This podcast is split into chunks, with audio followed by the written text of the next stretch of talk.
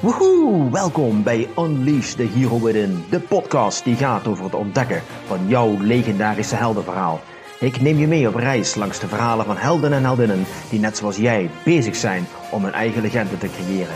Zij delen hun ervaringen, tips en wijsheden met als doel jou te inspireren om een jemig de pemig fantastisch leven te hebben. Mijn naam is Marcella Heij en you are fucking awesome.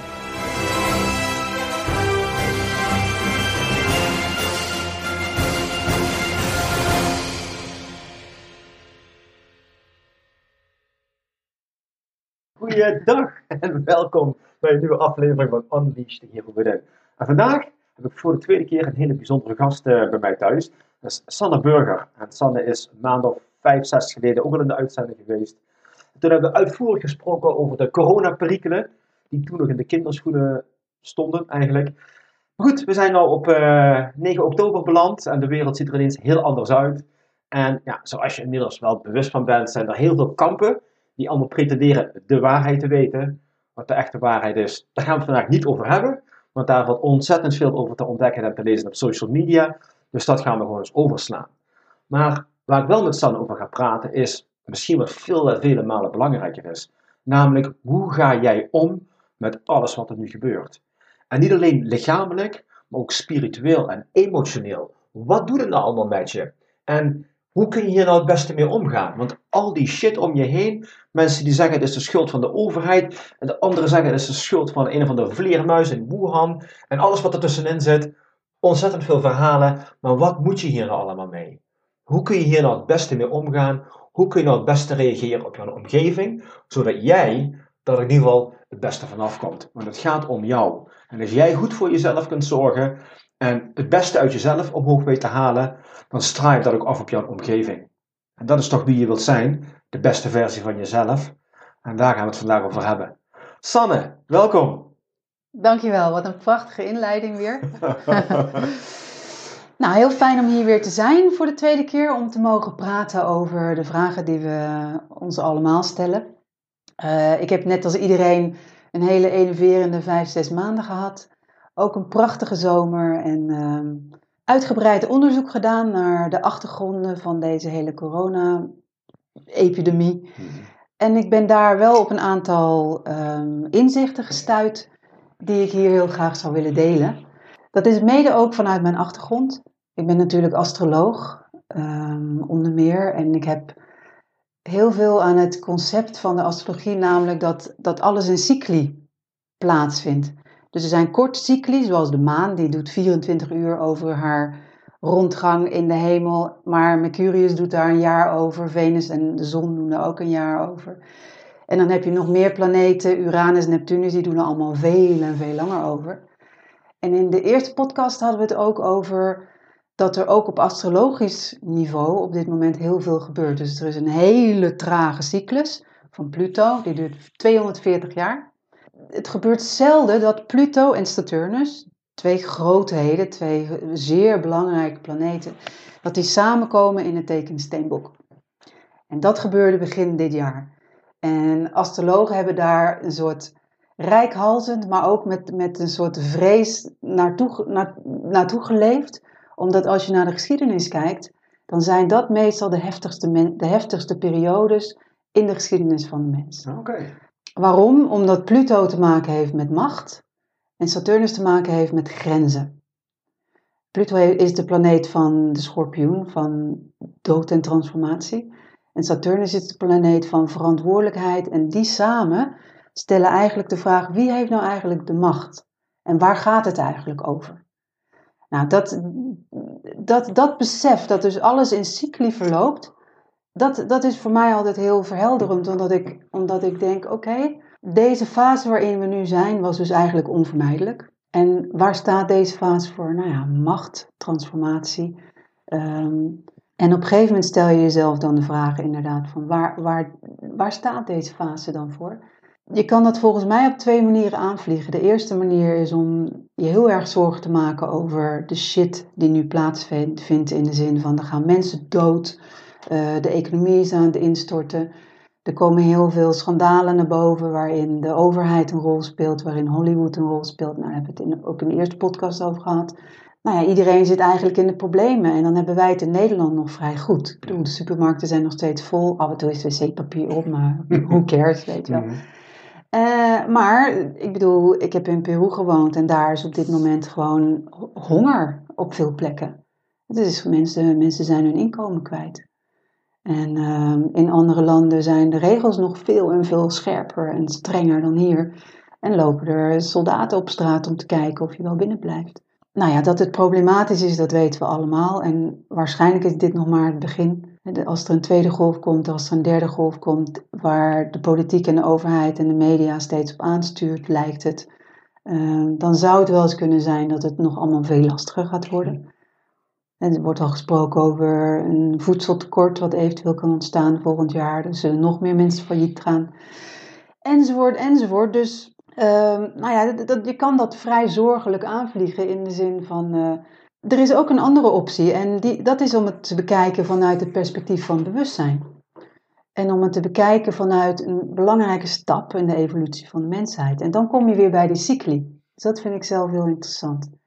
Dus, dus als je ervan uitgaat dat we op dit moment in een bewustzijnsontwikkelingssprong zijn, dat we een sprong maken in het bewustzijn van de mensheid, dan kan het bijna niet anders of het is goed nieuws. En wat altijd zo is, is van je, als je van de ene naar de andere fase gaat, of als je van het ene naar het andere niveau gaat, ehm, als, je het, als, je het, als je als concept vergelijkt bijvoorbeeld met eh, je gaat van een, een laag niveau naar een hoog niveau, zonder waardeoordeel. Of je gaat naar een plek waar weinig bewustzijn is, naar een niveau of naar een laag van de werkelijkheid waar meer bewustzijn is, dan kan het niet anders. Of als je die stap maakt, dan ga je meer zien. Als je meer licht, eh, als je in een laag stapt waar meer licht is, ga je met dat licht dus ook schijnen. Het is net zoiets als wanneer je, je- stel je woont in een groot kasteel en je bent al twee generaties niet op zolder geweest. En op een dag krijg je de geest en je denkt, weet je wat, ik pak mijn zaklantaarn of twee zaklantaarns en ik ga de, de boel daar eens opruimen. Dus je loopt die zoldertrap op, je doet het luikje open, je gaat naar binnen en het eerste wat je ziet is troep. Want je bent er al heel lang niet geweest. En, en als je dat vergelijkt met bewustzijn, we hebben allemaal kelders en zolders in ons bewustzijn waar we heel lang niet geweest zijn.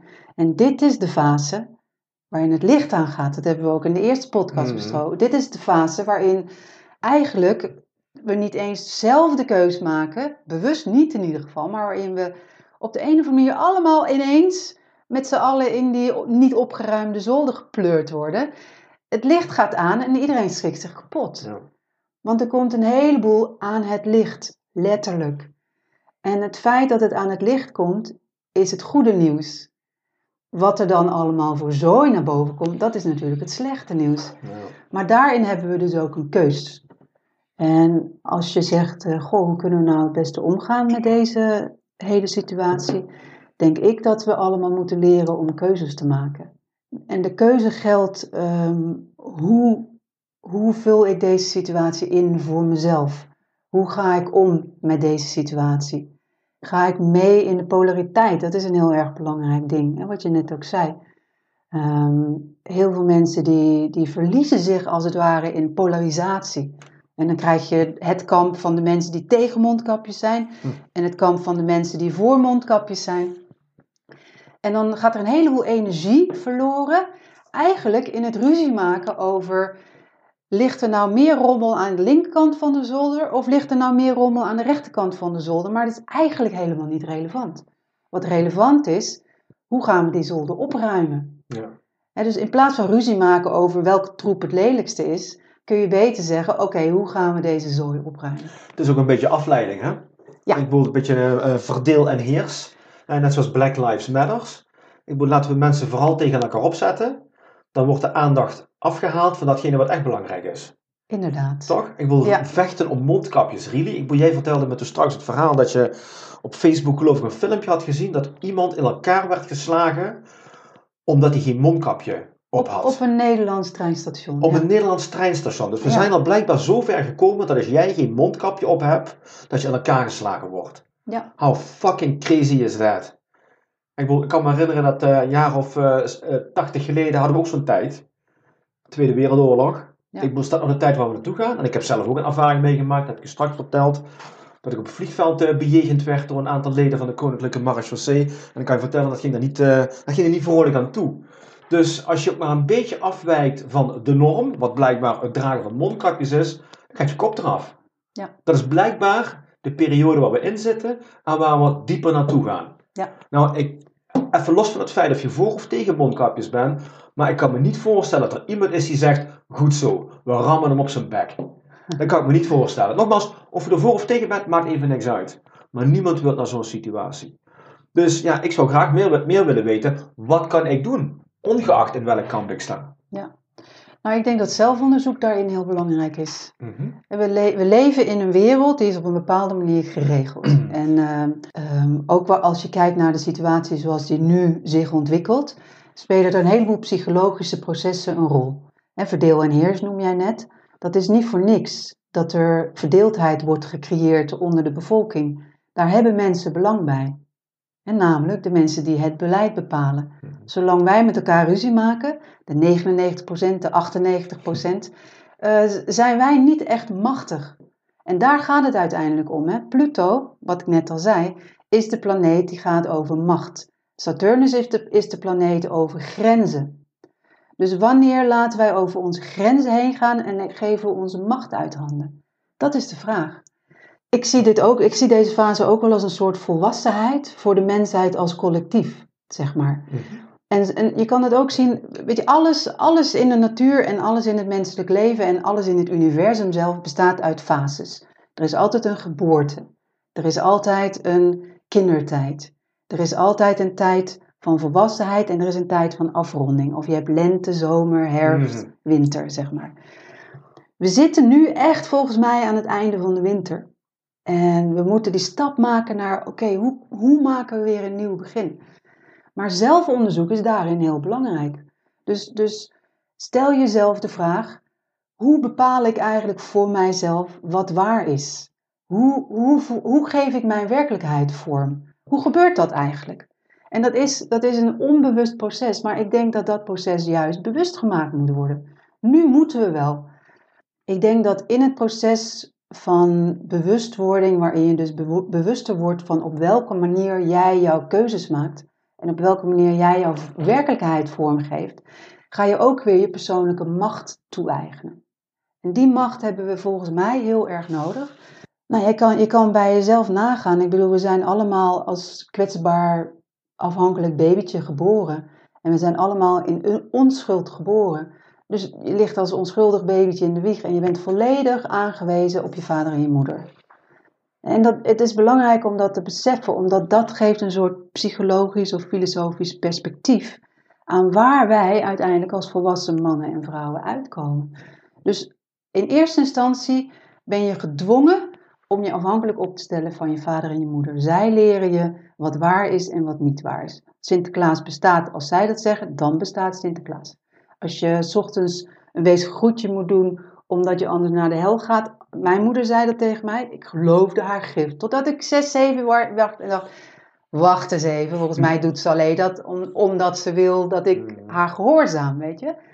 Maar goed, alle ouders doen hun uiterste best. Alleen de meeste ouders zijn ook weer wat betreft hun eigen werk, werkelijkheidsbesef, zijn ook beperkt.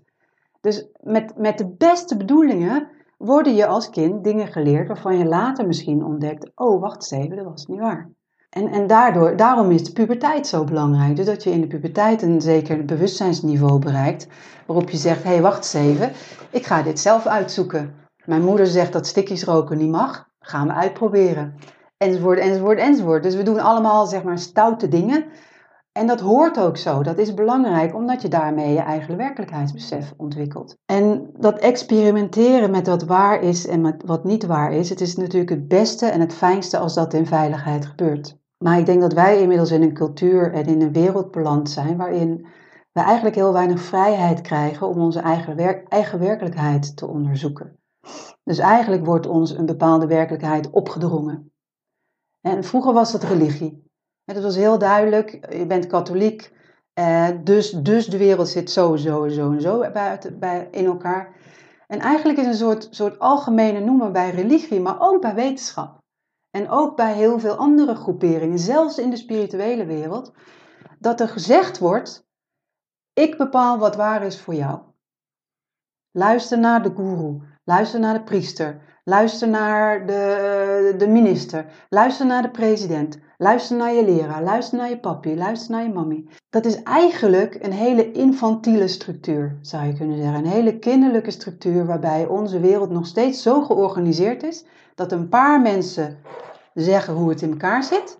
En dat de, meeste, dat de meeste mensen zich als kinderen opstellen en zeggen: Nou ja, als hij of zij het zegt, dan zal het wel waar zijn. En waarom doen we dat? Omdat we ons veilig willen voelen. De enige manier om je als kind veilig te voelen was om te doen wat papa en mama zeggen, want dan krijg je liefde. Mhm. Sterker nog, dan blijf je leven. Zo heftig is het. Dus als je het gewoon op een puur biologisch niveau bekijkt, Mhm. dan is het heel duidelijk dat, dat die afhankelijkheid vroeger ons hielp om te overleven en om een beetje een goed leven te hebben. Later in je leven kun je je gaan afvragen, zeg maar als je 18, 20, 25, 28 wordt. Klopt dat nog wel? Klopt het wel dat ik mijn waarheid uitbesteed? Klopt het nog wel dat ik zoek naar iemand anders die mij vertelt hoe de werkelijkheid in elkaar zit? Of wordt het tijd dat ik zelf verantwoordelijkheid neem en op grond van al mijn levenservaring, op grond van alles wat ik gestudeerd heb, van alles informatie die ik verzameld heb de afgelopen 28 jaar, misschien heb ik ook wel een zeker vermogen om de werkelijkheid te kunnen benaderen vanuit een bewust en holistisch perspectief. In plaats van te zeggen, ik weet niet wat ik moet doen, tell me what to do, weet je wel. Ja, ja. En ik zeg 28 omdat ehm, in veel shamanistische stromingen, dus in veel hele oude tradities die een zeg maar holistisch wereldbeeld hebben neergezet, zoals de Tolteken in eh, Zuid- en Midden-Amerika, eh, de Kelten hier in Europa, in Noord-Noord-Noorwegen, de Sames, de Samish, ik weet niet hoe dat heet in het Nederlands. Dus er zijn shamanistische stromingen geweest in de wereld die hun wereldbeeld uitzetten en zeiden, weet je mensen, waar het om gaat. En in die, in, in die zin zijn alle religies, alle spirituele stromingen, alle shamanistische scholen zeggen hetzelfde. Het gaat erom dat jij wakker wordt. Het gaat helemaal niet om dat jij moet doen wat iemand anders zegt. Zo gauw iemand tegen je zegt, je moet dat doen, want ik ben de stem van God of ik weet hoe het zit. Zelfs als een wetenschapper zegt, ik heb ervoor gestudeerd, wees sceptisch, want het zou wel eens kunnen zijn dat die persoon zijn macht misbruikt. Maar eigenlijk gaat het toch ook over de verantwoordelijkheid nemen over je eigen denken, over jouw eigen zijn, Absoluut. over jouw eigen wezen. Je de verantwoordelijkheid gaat nemen voor je eigen denken. Ik bedoel, je hebt toch de, de verplichting zelfs om dat onderzoek te gaan doen. Niet alleen naar de waarheid, maar ook jouw waarheid. Wie ben ik? Wat kom ik hier doen? Dat is toch vragen waar het, waar het eigenlijk mee begint. Ja, helemaal mee eens. En in die zin is het belangrijk om ook na te denken over wat is inderdaad onze oorsprong, waar komen wij vandaan? Denk ik zelf mijn gedachten of zijn mijn gedachten mij ingegeven door? Hmm. Het, het, het, eh, ik noemde net 28 omdat in veel shamanistische stromingen de, het, de leeftijd van 28 eh, gezien wordt als de leeftijd waarop je volwassen wordt. Als het goed is. Als het niet goed is, en ik denk dat dat in heel veel eh, westerse culturen inderdaad het geval is, heb je in die 28 jaar niet voldoende kunnen experimenteren en heb je te weinig vrijheid gehad om je eigen waarheid te ontdekken en groei je eigenlijk op met angst. En als je angst heel groot is, kun je niet helder denken. Als je angst heel groot is, dan ben je geneigd om te zoeken naar houvast. En wat geeft er meer houvast dan iemand die zegt dat hij de waarheid in pacht heeft? En wetenschap is dan in zekere zin de nieuwe religie. Maar machtsmisbruik vindt in alle lagen van de bevolking plaats. De vraag is, hoe gaan we daarmee om? En een van de dingen die ik zelf heel belangrijk vind in hoe gaan we daarmee om, is om je eigen onderscheidingsvermogen te trainen. Er wordt ons, er wordt ons eigenlijk ons hele leven lang verteld, je bent niet machtig, je kunt dit niet weten, je bent niet slim genoeg, je bent niet lief genoeg, je bent niet machtig genoeg om je eigen koers te bepalen in het leven. En dat is natuurlijk ook iets wat lastig is om te ontwikkelen, maar op het moment dat er machthebbers zijn die misbruik maken van onze kwetsbaarheid, dan ben je heel ver van huis. En je zou, kunnen, je zou deze situatie kunnen zien als een soort machtsgreep. Weet je, de corona-epidemie is in mijn beleving helemaal niet iets wat op zichzelf staat. Het is, het is één stapje in een heel lang proces. Het wordt ook wel eens Agenda 21 genoemd. Hè? Dus de, ehm, om het even heel grofweg te schetsen, is er al eeuwenlang een beweging waarbij eigenlijk een klein groepje mensen steeds machtiger wordt en een hele grote groep mensen steeds afhankelijker wordt. Wie heeft daar belang bij? Dat kleine groepje mensen. En dus wij zijn als mensheid op dit moment worden we nogal geknecht. En we zijn daar, we zijn daar zo aan gewend geraakt dat, dat weet je, in de puberteit hebben de meeste mensen een soort oprisping in de zin van ik pik het niet en ik wil mijn eigen leven gaan leiden en waarom moet ik dit en waarom moet ik dat? Waarom moet ik belasting betalen? Waarom moet ik trouwen en een hypotheek nemen? Maar dat wordt vaak de kop ingedrukt omdat, omdat we daar zo ontzettend weinig ruimte voor krijgen. En op dit moment is de controle zo groot geworden en het gebrek aan vrijheid is zo enorm en de frustratie is zo groot dat heel veel mensen op dit moment zeggen: Nou, nou, nou is het genoeg. En dan heb ik het niet over mondkapjes alleen, hè. dan heb ik het ook over gigantische verplichtingen die we allemaal hebben in deze cultuur, in deze maatschappij. Financieel, qua, qua wonen en werken, gezinssamenstelling, gezondheid. Ik bedoel, wie heeft verzonnen dat ik gedwongen ben om meer dan 100 euro per maand te betalen aan de farmaceutische industrie? Terwijl als je onderzoek gaat doen en als je gaat nadenken over, is het eigenlijk wel slim om bijvoorbeeld een chemokuur te doen als je kanker hebt. Ik noem maar een mhm. hot, heet hangijzer.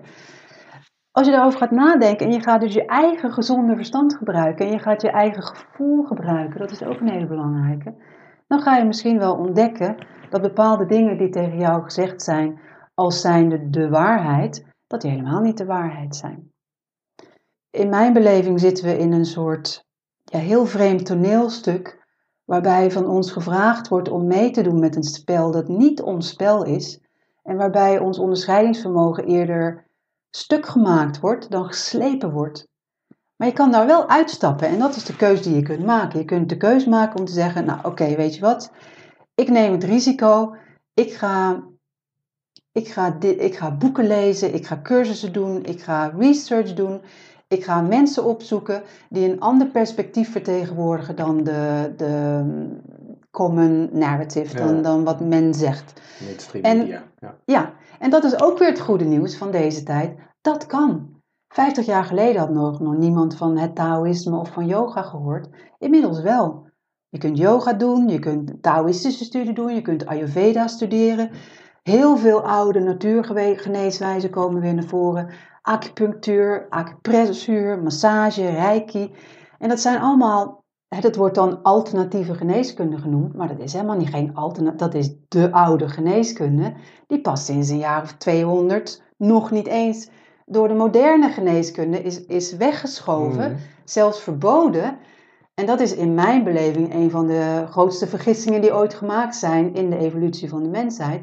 Want als je de natuurvolkeren en de natuurgeneeswijzen, de, de rijkdom en de wijsheid van Moeder Aarde zelf, met haar kruiden, met haar wortels, met haar voedsel, met haar, ja, met de natuurwetten, de vijf elementen die zo duidelijk laten zien hoe je harmonisch en gelukkig kunt leven. Als je zegt van, nou, Moeder Aarde die weet nergens van, wij gaan het zelf doen, nou, dan ben je dus heel ver van huis. Dus in mijn optiek zitten we in een vrij infantiele structuur, waarin we eigenlijk allemaal kind gehouden, we, worden kind gehouden. We worden als kleuters toegesproken. Ik kijk nooit televisie meer. Als ik dan soms televisie kijk en ik zie de reclame voorbij komen, dan denk ik, mijn god, ik, ik voel me bijna beledigd, omdat ik denk, moet ik op die manier das gaan kopen met, met zo'n achterlijk deuntje, weet je hm. wel?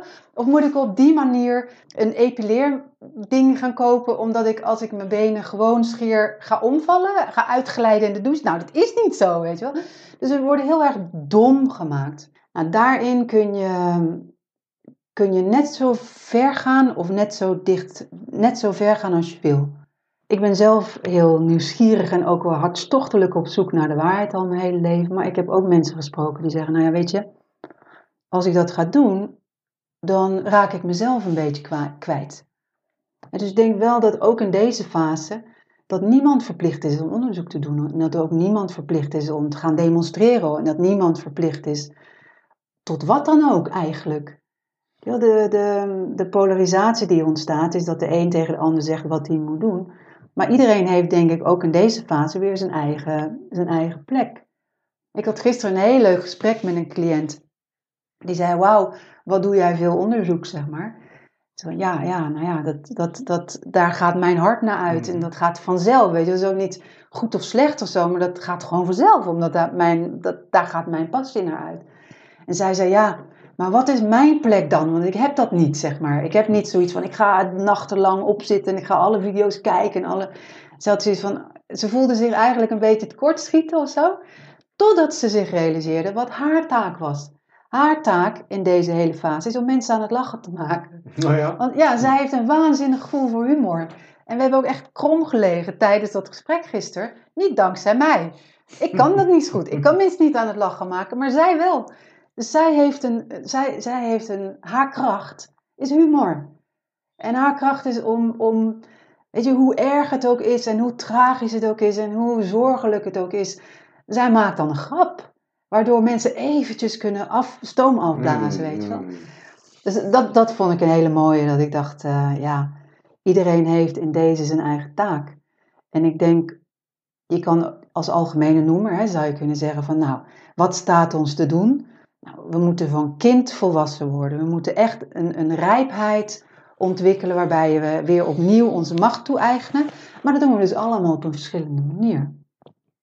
En dat Ja. is heel interessant. We hebben net vastgesteld dat het belangrijk is dat je zelf uit de kudde gaat stappen eigenlijk. En je eigen onderzoek gaat doen. Of dat je bewust de keus maakt om in de kudde te blijven, maar niet onbewust. Nee, oké, dat is ook goed hè. Right? Dat Ja. is ook goed inderdaad. Maar goed, wat zou je kunnen zeggen tegen die mensen die nou luisteren en zeggen van ja, is wel, poeh, ik ben omringd door vraagtekens eigenlijk en ik weet het ook eigenlijk niet. Ik zou wel graag meer en wat dieper willen gaan graven, maar ik heb geen flauw idee waar ik moet beginnen. Want overal waar ik ga kijken, ja, stap ik als het ware in een kudde die ook maar een boodschap te, te vertellen hebben. Dus hoe kan ik het beste beginnen als ik echt voor mezelf mijn eigen onderzoek wil gaan doen? En dus niet gaan luisteren naar wat de goeroes en nou, noem maar allemaal op te vertellen hebben. Nou, wat er heel veel gebeurt op social media vooral, maar eigenlijk overal, is dat mensen gaan polariseren. Dus dat, mensen, dat er twee partijen zijn die dan tegen elkaar gaan schreeuwen. En dat is heel erg, ehm, dat is heel erg zonde, want als je dan onderzoek gaat doen, dan, dan lijkt het wel alsof je partij moet kiezen. Alsof je voor of tegen iets moet zijn.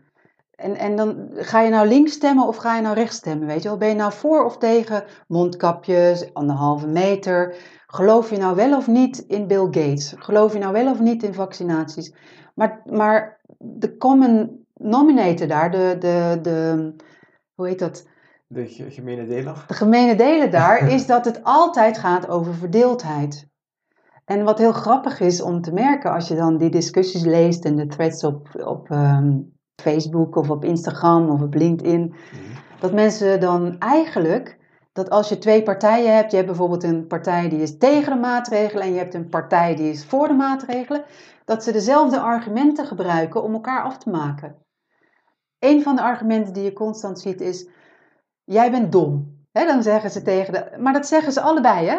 Als jij tegen de maatregelen bent, nou dan moet je wel heel erg dom zijn. Dat is dus echt een open deur. Want die kan je dus voor beide partijen gebruiken. En een ander is, ehm, je hebt vast geen onderzoek gedaan. Dus, dus, dus mensen die. En, en het is zo grappig, want je kunt twee volledig tegenovergestelde meningen hebben, maar met hetzelfde argument vallen ze elkaar aan. Je hebt niet voldoende onderzoek gedaan. Een derde is, je bent egoïstisch.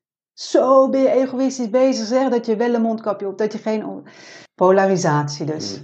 En ik denk dat één heel belangrijk ding om in de gaten te houden als je voor jezelf achter de waarheid wil komen, is te beseffen dat de waarheid altijd voorbij die polariteit gaat.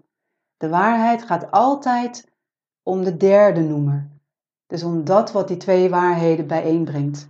Dus, dus waar ik mezelf heel, ook heel erg in train is om eh, emotioneel daarin een balans te zoeken en, en een balans te behouden. En dat is ook iets wat we in deze periode dienen te leren. Ik bedoel, de situatie is angstaanjagend. De situatie is frustrerend.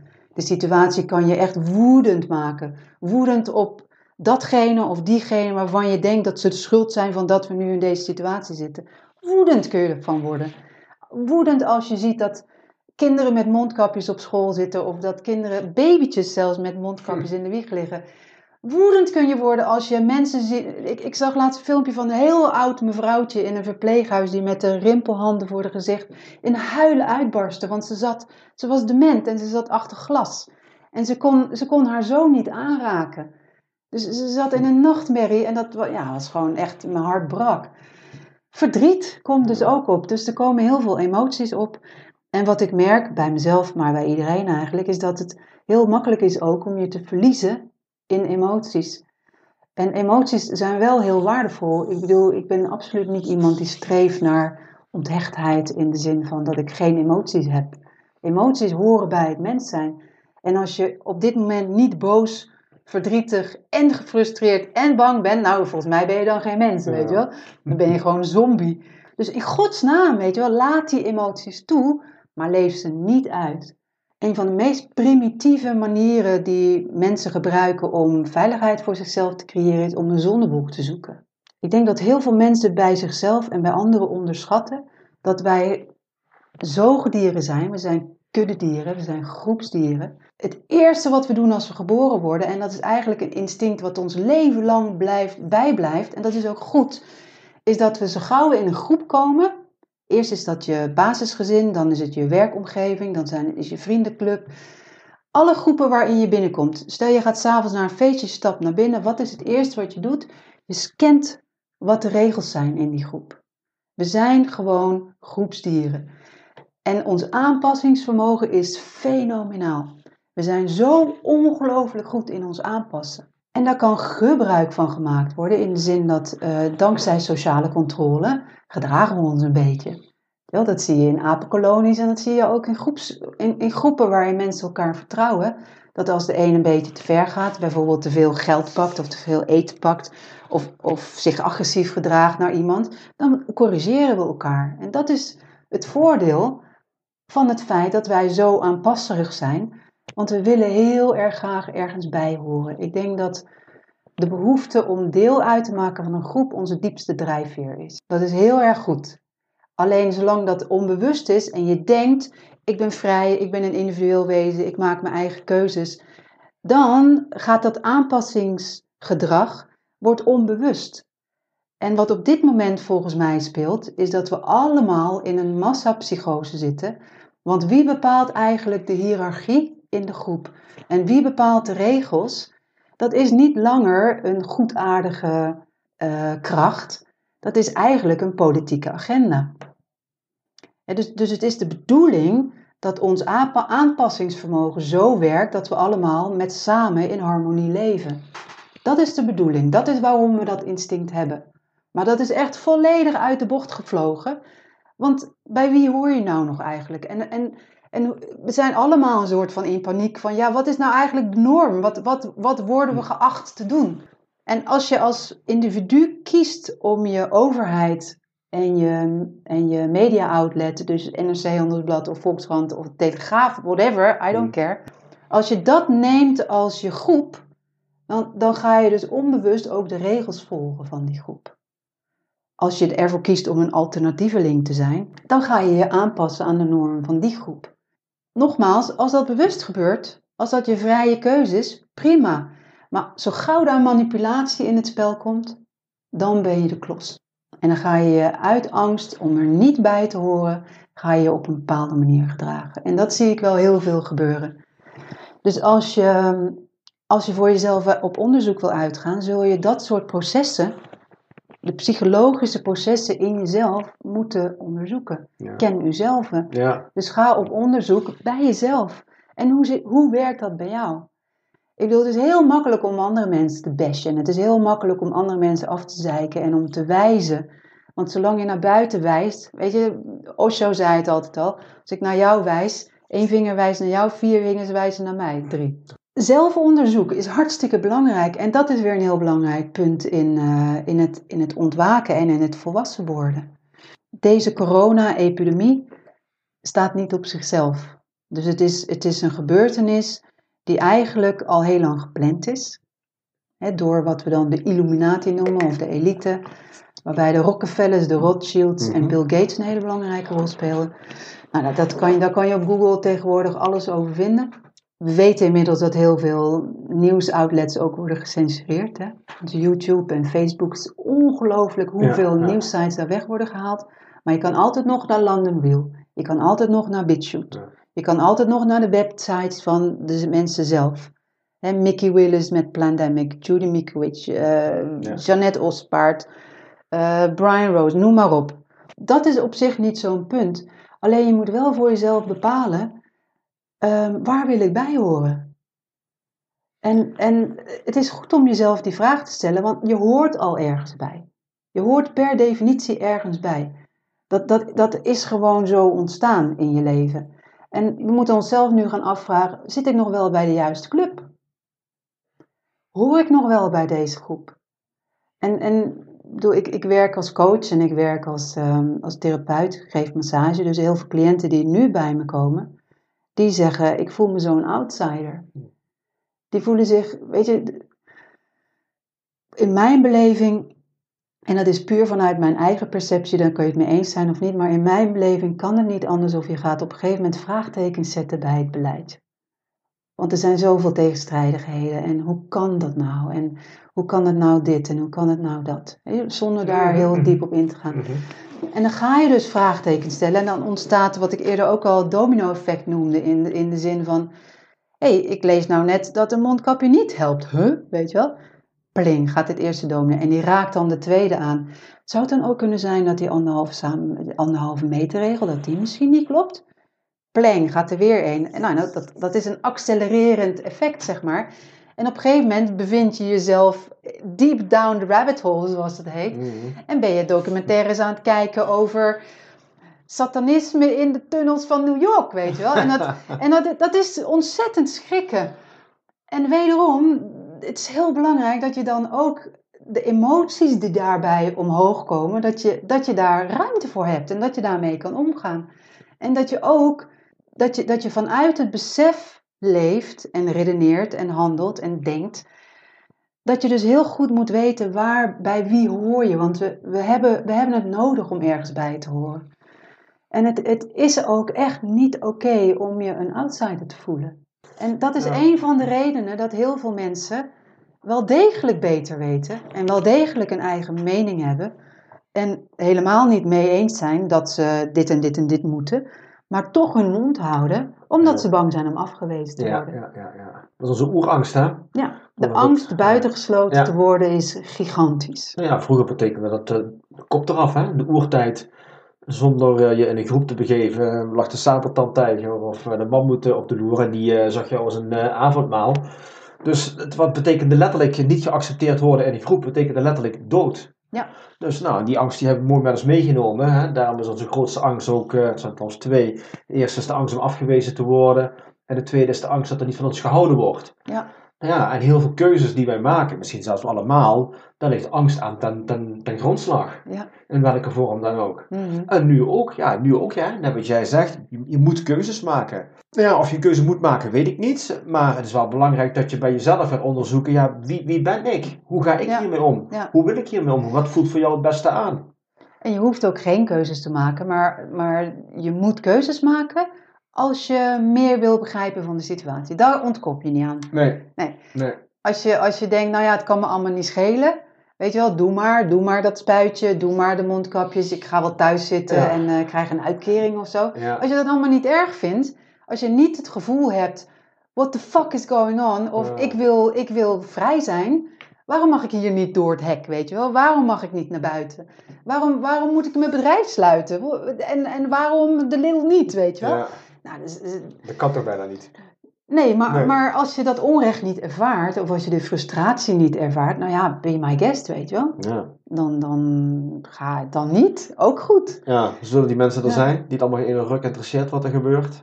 En dat die er heel gewoon uh, lachrig en misschien apathisch mee omgaan? Ja, ik kom ze eigenlijk nauwelijks tegen, Nee. maar dat komt misschien ook wel door de bubbel waarin ik verkeer. Ja, nou ja, goed, ik Ja. kom ze ook niet tegen. Aan de andere kant, eh, opinions are like assholes, everybody has one. dus we kunnen iedereen op straat gaan vragen van, kom eens even hier, hoe vind jij nou dat het echt in elkaar zit? Dan Ja. heeft iedereen daar wel een mening over. Ja. En ik moet zeggen, ehm, er zijn natuurlijk een hele hoop mensen die er echt heel fanatiek in zijn. En die praten over niks anders meer dan dit. Nou, dat vind ik ook een beetje saaiend worden, moet ik zeggen. Mhm. Dus ik snap wel dat dit nou speelt en leeft. En ja, het is absoluut belangrijk. Maar moet het ons leven gaan overheersen? Ja, ik denk het wel eerlijk gezegd. Ja? Ik denk dat er niets belangrijker is dan dit proces van ontwaken. Ja, oké, het proces van Ja. het waken, daar ben ik met je eens. Nee, Ja. maar ik heb het over het hele corona gebeuren. Ik bedoel, overal Oh, Oké, ja, nee, inderdaad. Dat zijn van die negatieve verhalen. Ja. Nou ja, Ja. als je, dat is ook weer een van de tips die ik heb als je zegt van nou oké, hoe kom ik nou achter de waarheid hier? En Mm, waarheid is al mm. een groot woord, maar Mm. ik, ik ga er zelf vanuit dat er wel degelijk een objectieve waarheid bestaat. Mhm. Of Bill Gates is een filantroop en een weldoener, of het is een boef. En hij is niet allebei, echt niet. Nee. Nee. En dat is ook iets wat je in de spirituele scene heel veel ziet, weet je wel. Dat ze dan zeggen, weet je, er is een groep die er alleen maar helemaal geobsedeerd mee bezig is. En die kun je, kun je, geen, kun je niet meer goedemorgen zeggen. Dan zeg je, weet je wel wat er aan de hand is, je moet luisteren. Dan heb je de groep die het geen ruk kan schelen. Maar je hebt ook zeg maar de spiriwiri groep. Eh, Daar reken ik mijzelf niet toe. Ondanks al mijn alternatieve eh, disciplines. Maar eh, die zeggen, het is all meant to be, weet je wel. En het is allemaal één. En eh, leun achterover en doe niks en laat het maar gewoon gebeuren. Ja, dat, dat vind ik ook zo'n kop-out, weet je. Dat vind ik ook zo'n zo'n zwaktebod. Dat is echt een zwaktebod in de zin van, ja maar hallo mensen, neem verantwoordelijkheid. Ja, nou, dat weet je wel? Ja. En het gaat echt om macht. Er was, er was ook iemand die zei, deze hele situatie is ontstaan eh, omdat autoriteit en macht, dat zijn twee evil forces in de wereld, dus kwaadaardige krachten. En we moeten alle macht en autoriteit in de wereld uitschakelen. En daar was ik het helemaal niet mee eens, want ik denk dat macht en autoriteit in zichzelf waanzinnig goede krachten zijn.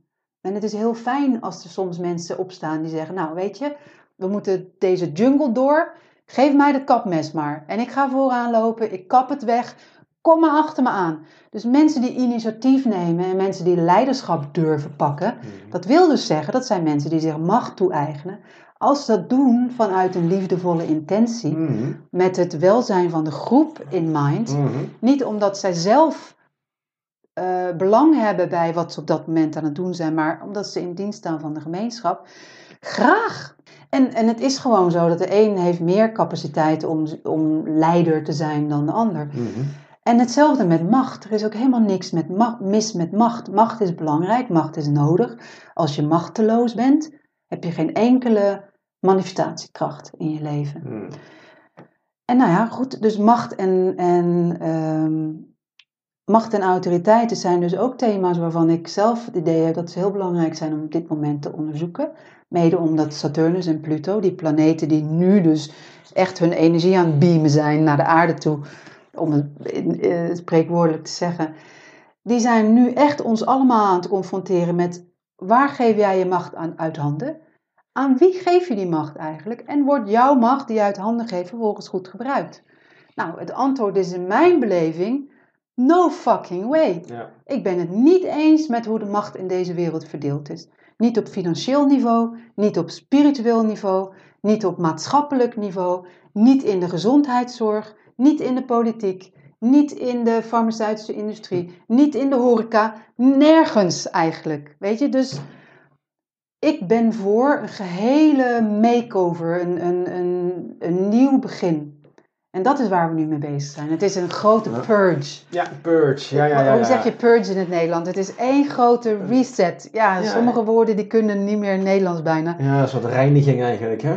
Ja, we zijn echt alles aan het uitkotsen wat ons als mensheid niet langer dient. Ja. En de mensen die op dit moment baat hebben bij de situatie zoals die is, noemen ze de elite of de Illuminati, Mhm. die zijn daar niet blij mee. Nee. En het zou ook in mijn beleving heel goed kunnen dat zij ook deze coronapandemie verzonnen hebben om te kijken in hoeverre ze nog die controle verder kunnen opschroeven. Mhm. En ook dat is iets waarvan ik denk, nou ja, oké, ik denk dat. En het staat me vrij om dat te denken, maar het staat Ja. me ook vrij, jij, jij hoeft dat helemaal niet te denken. Mhm. Ik, ik ben al lang niet meer bezig met anderen overtuigen. Maar ik ben zelf wel ongelooflijk nieuwsgierig naar hoe, hoe dat dan werkt. Ik heb dit eigenlijk al vanaf mijn kindertijd ook aanzien komen in zekere zin. Ik ben, ik ben opgegroeid in een gezin, eh, net als de meeste mensen, dat niet heel erg goed functioneerde, zeg maar. Een uiterst katholieke moeder en een eh, vader die in de Tweede Wereldoorlog in een concentratiekamp in Japan had gezeten, in Indonesië heeft gezeten. Dus getraumatiseerde ouders, Mm. zou je kunnen zeggen. Ouders die eh, zich erg machteloos voelden. Mijn moeder ten opzichte van eh, de katholieke God, die, die heel dreigend overkomt. En mijn vader helemaal gebroken door de, de, het machtsmisbruik wat hij in het kamp had meegemaakt als klein jongetje. Dus als kind heb ik, dat zo, heb ik daarnaar zitten kijken en dacht ik: oké, dit klopt niet. Maar wat, hoe, hoe kan het dan wel, zeg maar? Wat, wat is dan, wat is mogelijk als mensheid? En ik heb altijd een, een visie gehad dat, dat veel meer mogelijk is dan wat er op dit moment aan de hand is. is het hebben wij mensen de, het vermogen om liefdevol met elkaar om te gaan? Of hebben wij mensen het vermogen om op zo'n manier samen te leven dat moeder aarde daar niet onder lijdt? Hebben wij mensen het vermogen, emotioneel, geestelijk, technologisch, praktisch gezien, hebben we de handen en het vermogen en het, en de, en het, eh, hoe heet het, het karakter om een, om een wereld te creëren waarbij bijvoorbeeld niemand honger heeft. Waarbij niemand misbruikt wordt. Waarbij geen uitbuiting is. Nou, volgens mij wel. En dat, dat, dat, Mm. dat dacht ik als heel jong meisje al. En ik heb dat ook wel aan mijn ouders gevraagd. Van, papa, mama, waarom is dat niet zo? Weet je wel? Mm. En dan zeiden ze altijd, oh eigenwijs kind, je weet niet waar je het over hebt. Maar tot op de dag van vandaag geloof ik dat. En ik heb het idee dat we op dit moment ook in een soort definiërende fase zitten waarbij we onszelf ook weer moeten definiëren. Want we zijn zo Mhm. geïndoctrineerd met ideeën over het mensdom. Zo van, ja, het is nou eenmaal zo en het kan niet anders. En, en wederom, weet je wel, stel jezelf de vraag, wie heeft dat verzonnen? En waarom geloof ik dat? Is dat omdat mijn moeder dat honderdduizend keer tegen me gezegd heeft? Want dat zit er Mhm. vaak ook onder, hè? Mm. Als je gewoon kijkt naar hoe wij psychologisch in elkaar zitten, hebben we heel veel overtuigingen die eigenlijk stammen uit de sprookjes die onze vader en moeder ons Mhm. vertelden als kind. Ja. Ik ben dolblij dat het hele religieuze indoctrinatie een beetje voorbij is, maar you bet dat heel veel mensen nog steeds lijden onder een minderwaardigheidscomplex, omdat ze God zien als de grote en de almachtige. Mm. Eh, Letterlijk wordt dat Mm. de almachtige.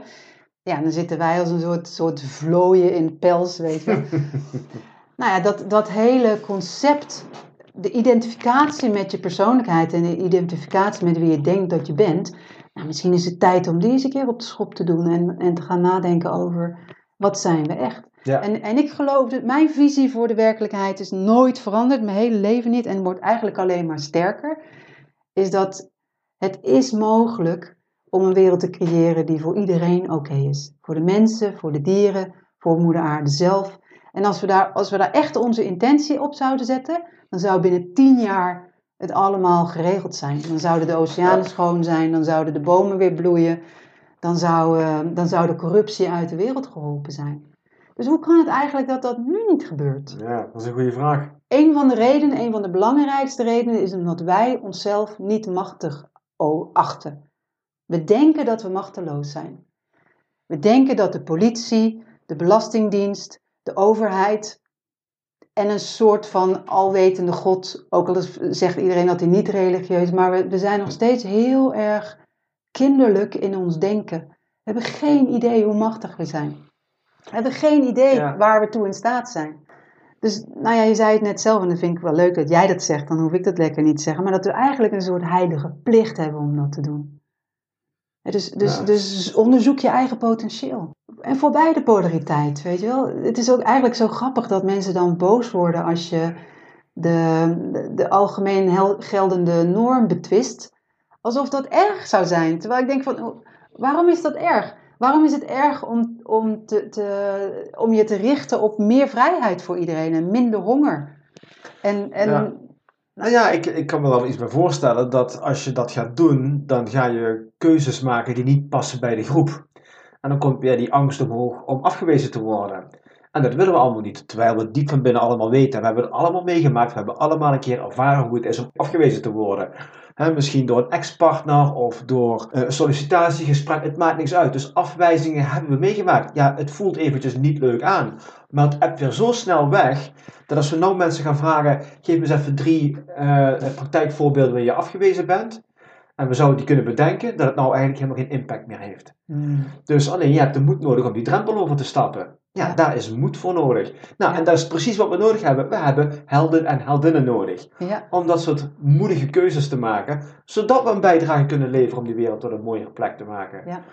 wat ik ook vermoed, is dat er veel meer mensen wakker zijn dan wat wij denken.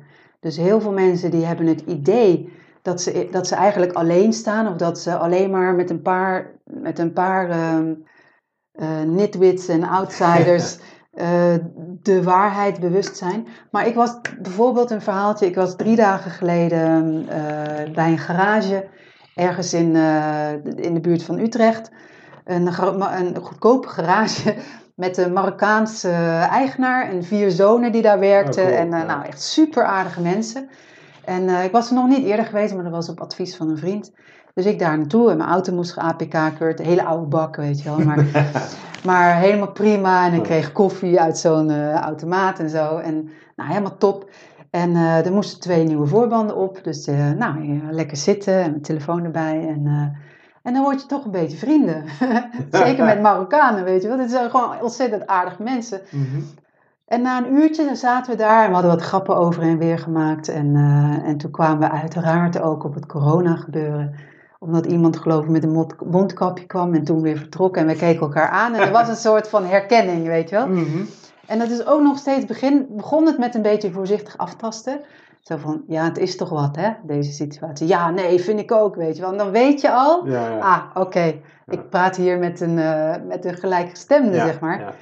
En uiteindelijk bleek, vertelde de Marokkaanse eigenaar me, dat hij van een goede vriend van hem, of een neef, ik weet niet meer wie, van, van een goede bekende in Marokko had hij het volgende verhaal gehoord.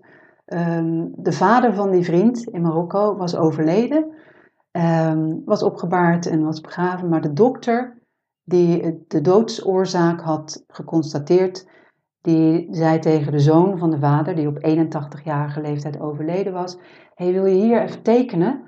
Want er staat in het rapport dat je vader aan corona is overleden. En die Marokkaanse man die zei, sorry, maar eh, mijn vader is helemaal niet aan corona overleden. Hij was gewoon oud, kom op, dat Hmm. weten we toch allemaal?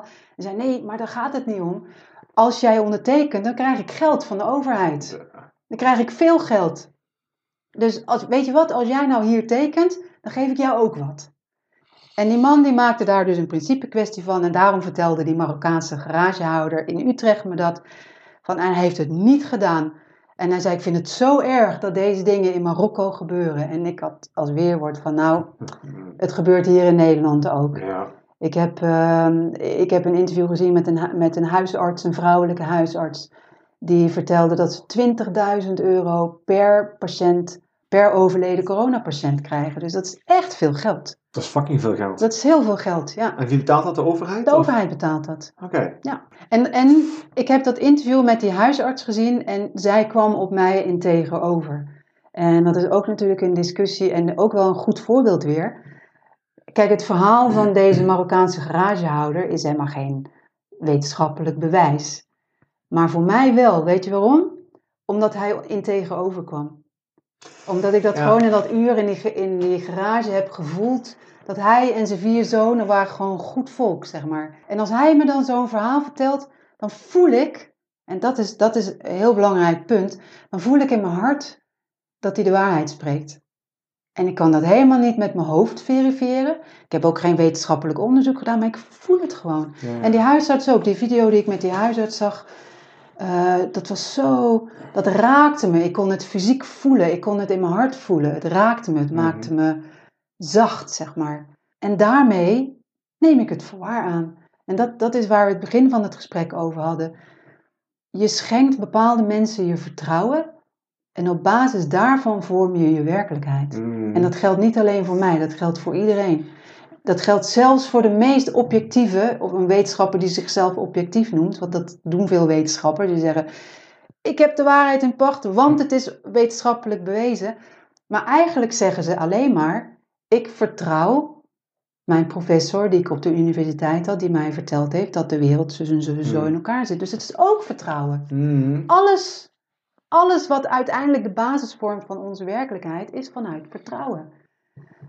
En in die zin is het roepen om bewijs is ook al een beetje onzin eigenlijk. Want wat moet ik dan bewijzen? Moet ik bewijzen waarom ik jou vertrouw? Moet ik bewijzen waarom ik van mijn moeder hou? Hoe kun je dat bewijzen dan? Dus bewijs is een zeer, ehm, ja, laten we zeggen, het is glad ijs. Bewijs is glad ijs. Ja, ik moet er altijd een beetje om lachen. En tegelijkertijd snap ik het ook, want uh, wat ik al zei, mensen zoeken naar houvast. En de wetenschap, net als vroeger religie, geeft houvast. Die hebben hele duidelijke grenzen en regels en zo zit het. En als eenmaal iets peer-reviewed is en iets, iets is bewezen, wat betekent dat dit herhaalbaar is, dan wordt gezegd dat het waar is. Hmm. En daarmee haal je tegelijkertijd de hele farmaceutische industrie onderuit, want de farmaceutische industrie is helemaal niet wetenschappelijk, maar is gewoon gesponsord.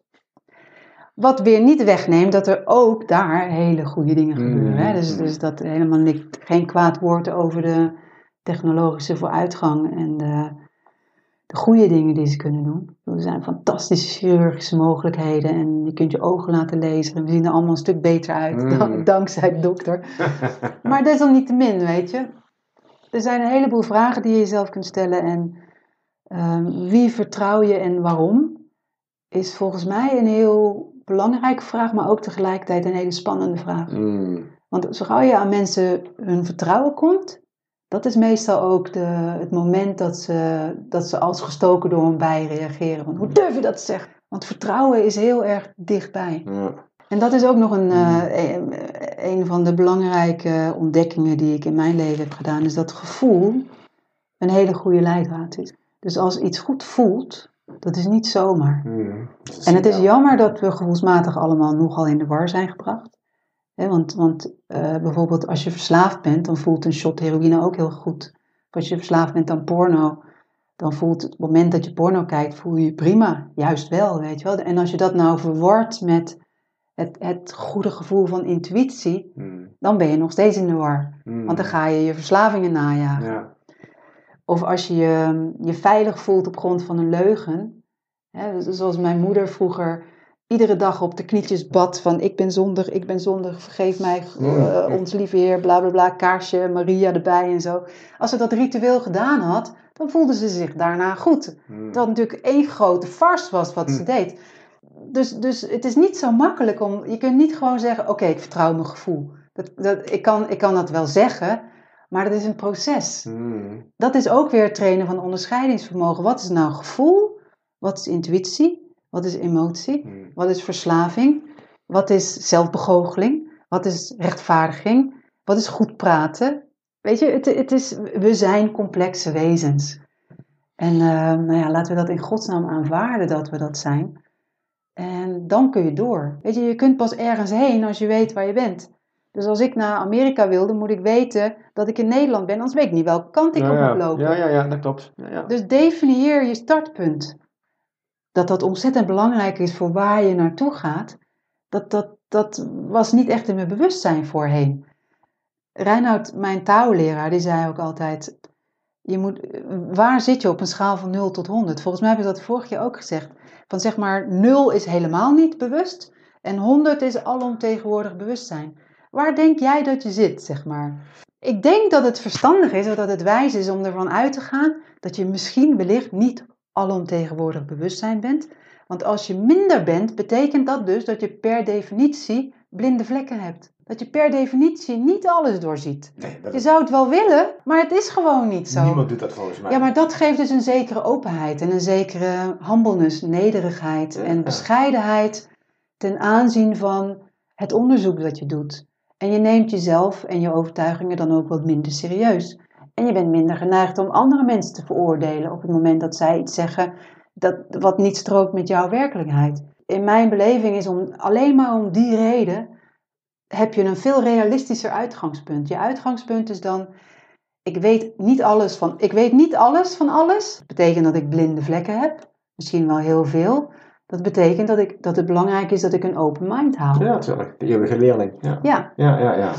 Daar is ook niks mis mee. Nee. Nee, dat is juist goed zelfs soms. Ik bedoel, everyone you will ever meet knows something you don't. Precies. En als je daarvan bewust bent, dan kun je toch zo'n mooi open gesprek met mensen aangaan. Omdat je ja, erachter wilt komen wat die persoon jou te vertellen heeft, wat jij nog niet weet, wat voor jou heel belangrijk kan zijn.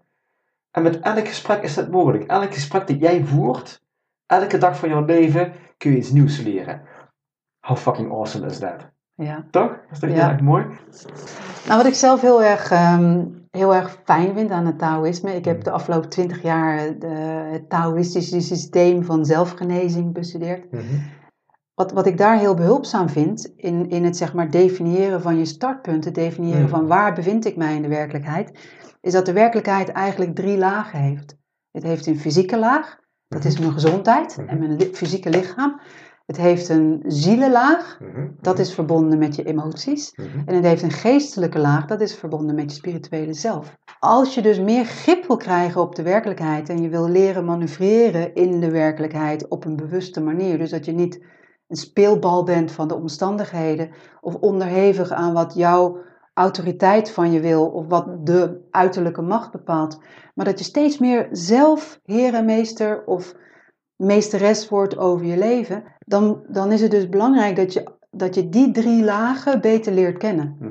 En als het dan gaat over het lichaam, dan gaat het over hoe kun je gezond worden en blijven. Het gaat over voeding, over beweging, over detoxen, over ontspanning, over lichaamsbewustzijn ontwikkelen. En dan heb je de laag van de ziel, die is heel belangrijk, want het gaat over het bewustzijn. Mhm. Dus het bewustzijn van wie je bent, van wat je bent, van waar je bent, van hoe de werkelijkheid in elkaar zit en hoe het voelt.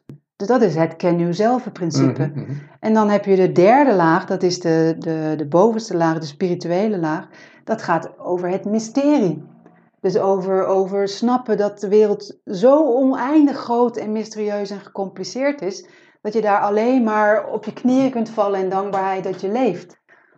Nou, dat vind ik een van de mooie dingen van de Tao. En eh, nou, daar kan ik ook eindeloos over doorgaan, maar, maar dat is misschien wel de laatste tip die ik dan op dit moment heb in dit gesprek. Als je de waarheid wil weten over corona of over wat dan ook, bestudeer dan de oude tradities. Dus niet de moderne tradities, niet eh, wat de afgelopen eeuw is, is uitgevonden, maar wat al oud is. Ja, natuurlijk. Het Taoïsme is 5000 jaar oud. De Veda's, Ayurveda.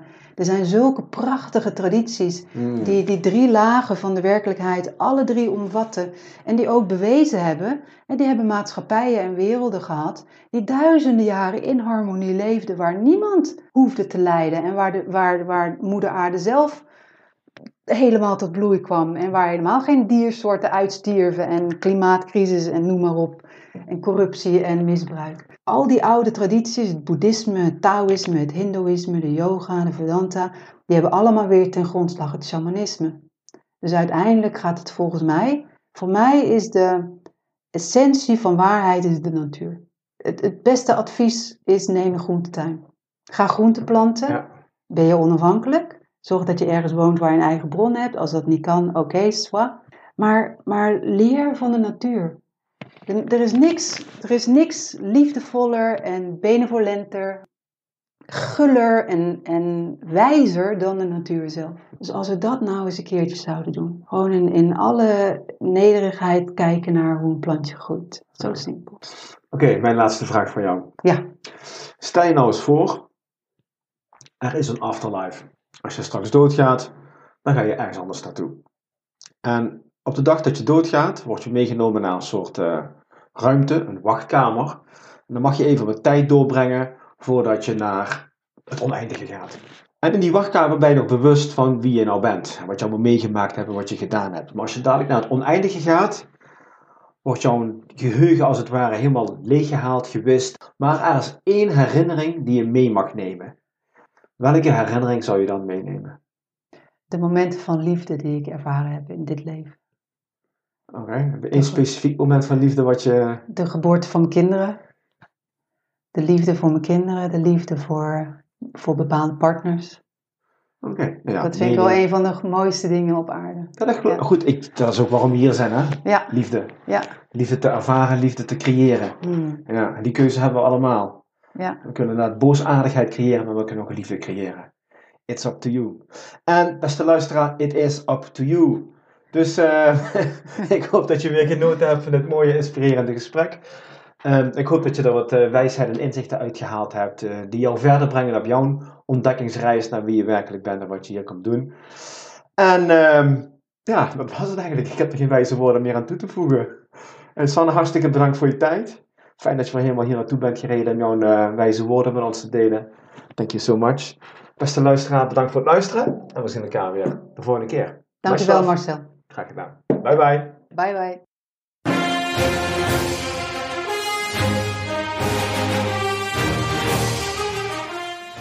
Ik hoop dat je net zoals mij weer hebt genoten van de mooie verhalen van mijn gast en er hopelijk iets aan hebt gehad. Wil je meer inspirerende goodies ontvangen over hoe jij een fucking awesome legendarisch leven kunt hebben? Ga dan naar mijn website unleashtheherowithin.nl en meld je vandaag nog aan. Thanks for listening and until next time, stay awesome.